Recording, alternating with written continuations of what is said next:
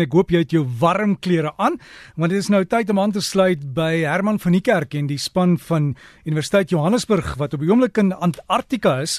En ek het hom nou weer op Facebook hier en op sy sy WhatsApp so ons gaan so weer die WhatsApp gou die boodskap by hom kry want hy sê die wind waai so erg buitekant. Weer eens is dit te raserig om met sy satellietfoon met ons te gesels.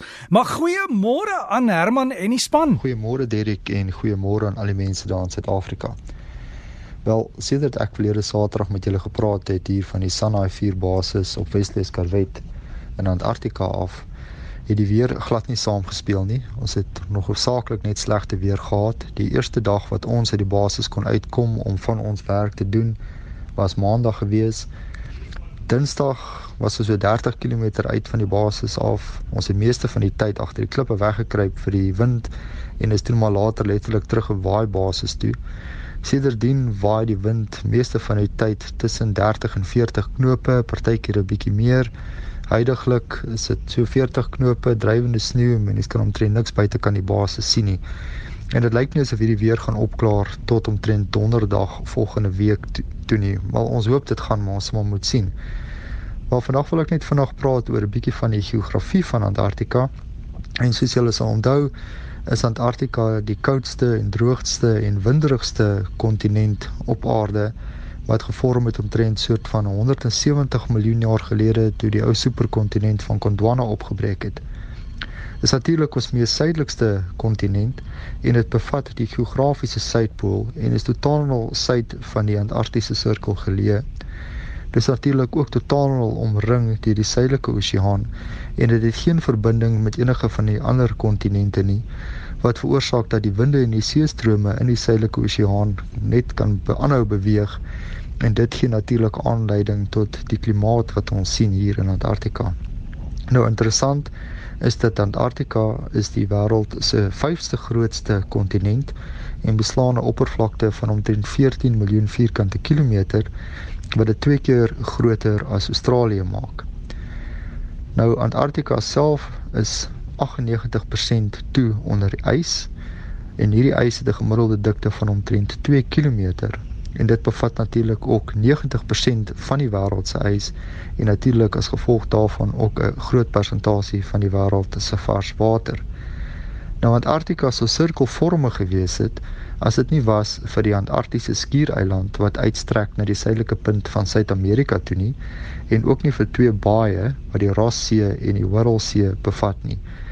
As gevolg van hierdie twee baaie het dit soort van 'n peervormige vorm en word opgedeel in die groter Oos-Antarktika en die kleiner Wes-Antarktika wat van mekaar geskei word deur die Transantarktiese bergreeks.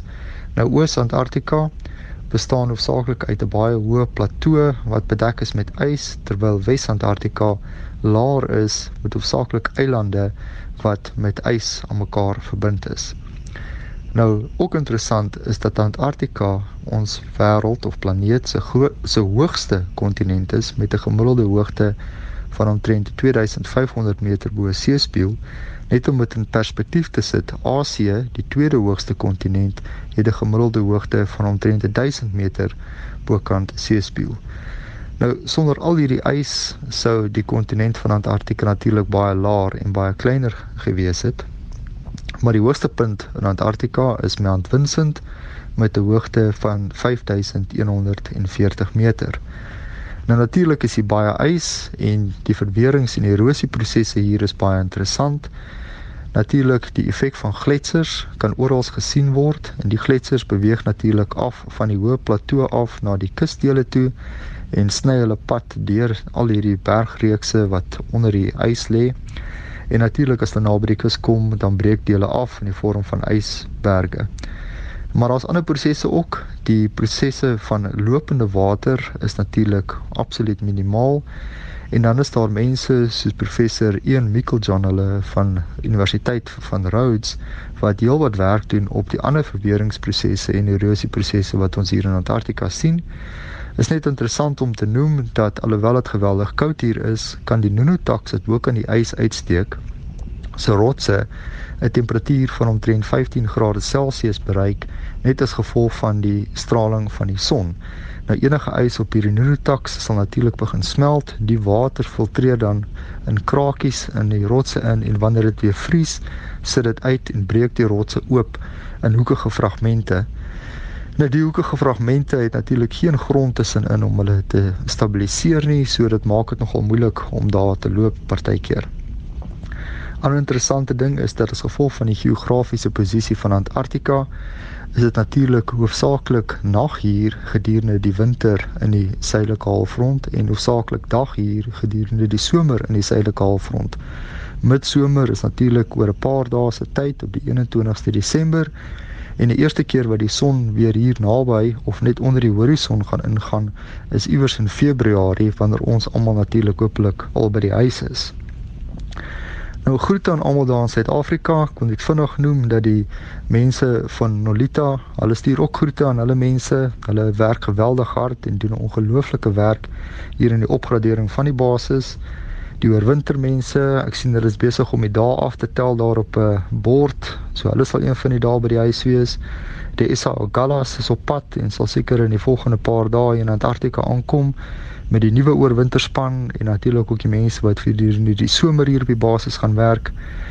En groete aan ons eie families en um, ja, lekker naweek vir almal en 'n lekker week daar in Suid-Afrika. Totsiens. Totsiens, dankie Herman en self vir jou en die span van Universiteit Johannesburg wat navorsing doen in Antarktika en die gespreksloop is 'n potgooi beskikbaar wees en Herman het ook vir my uh, gisterand gou foto's gestuur. Ek het dit klaar op die Breakfast Facebook bladsy gelaai. So as jy op Facebook is, gaan kyk net by Breakfast Breakfast FES en hou van die groep en as jy sien die foto's is daar en hoe die ouens met aantrek.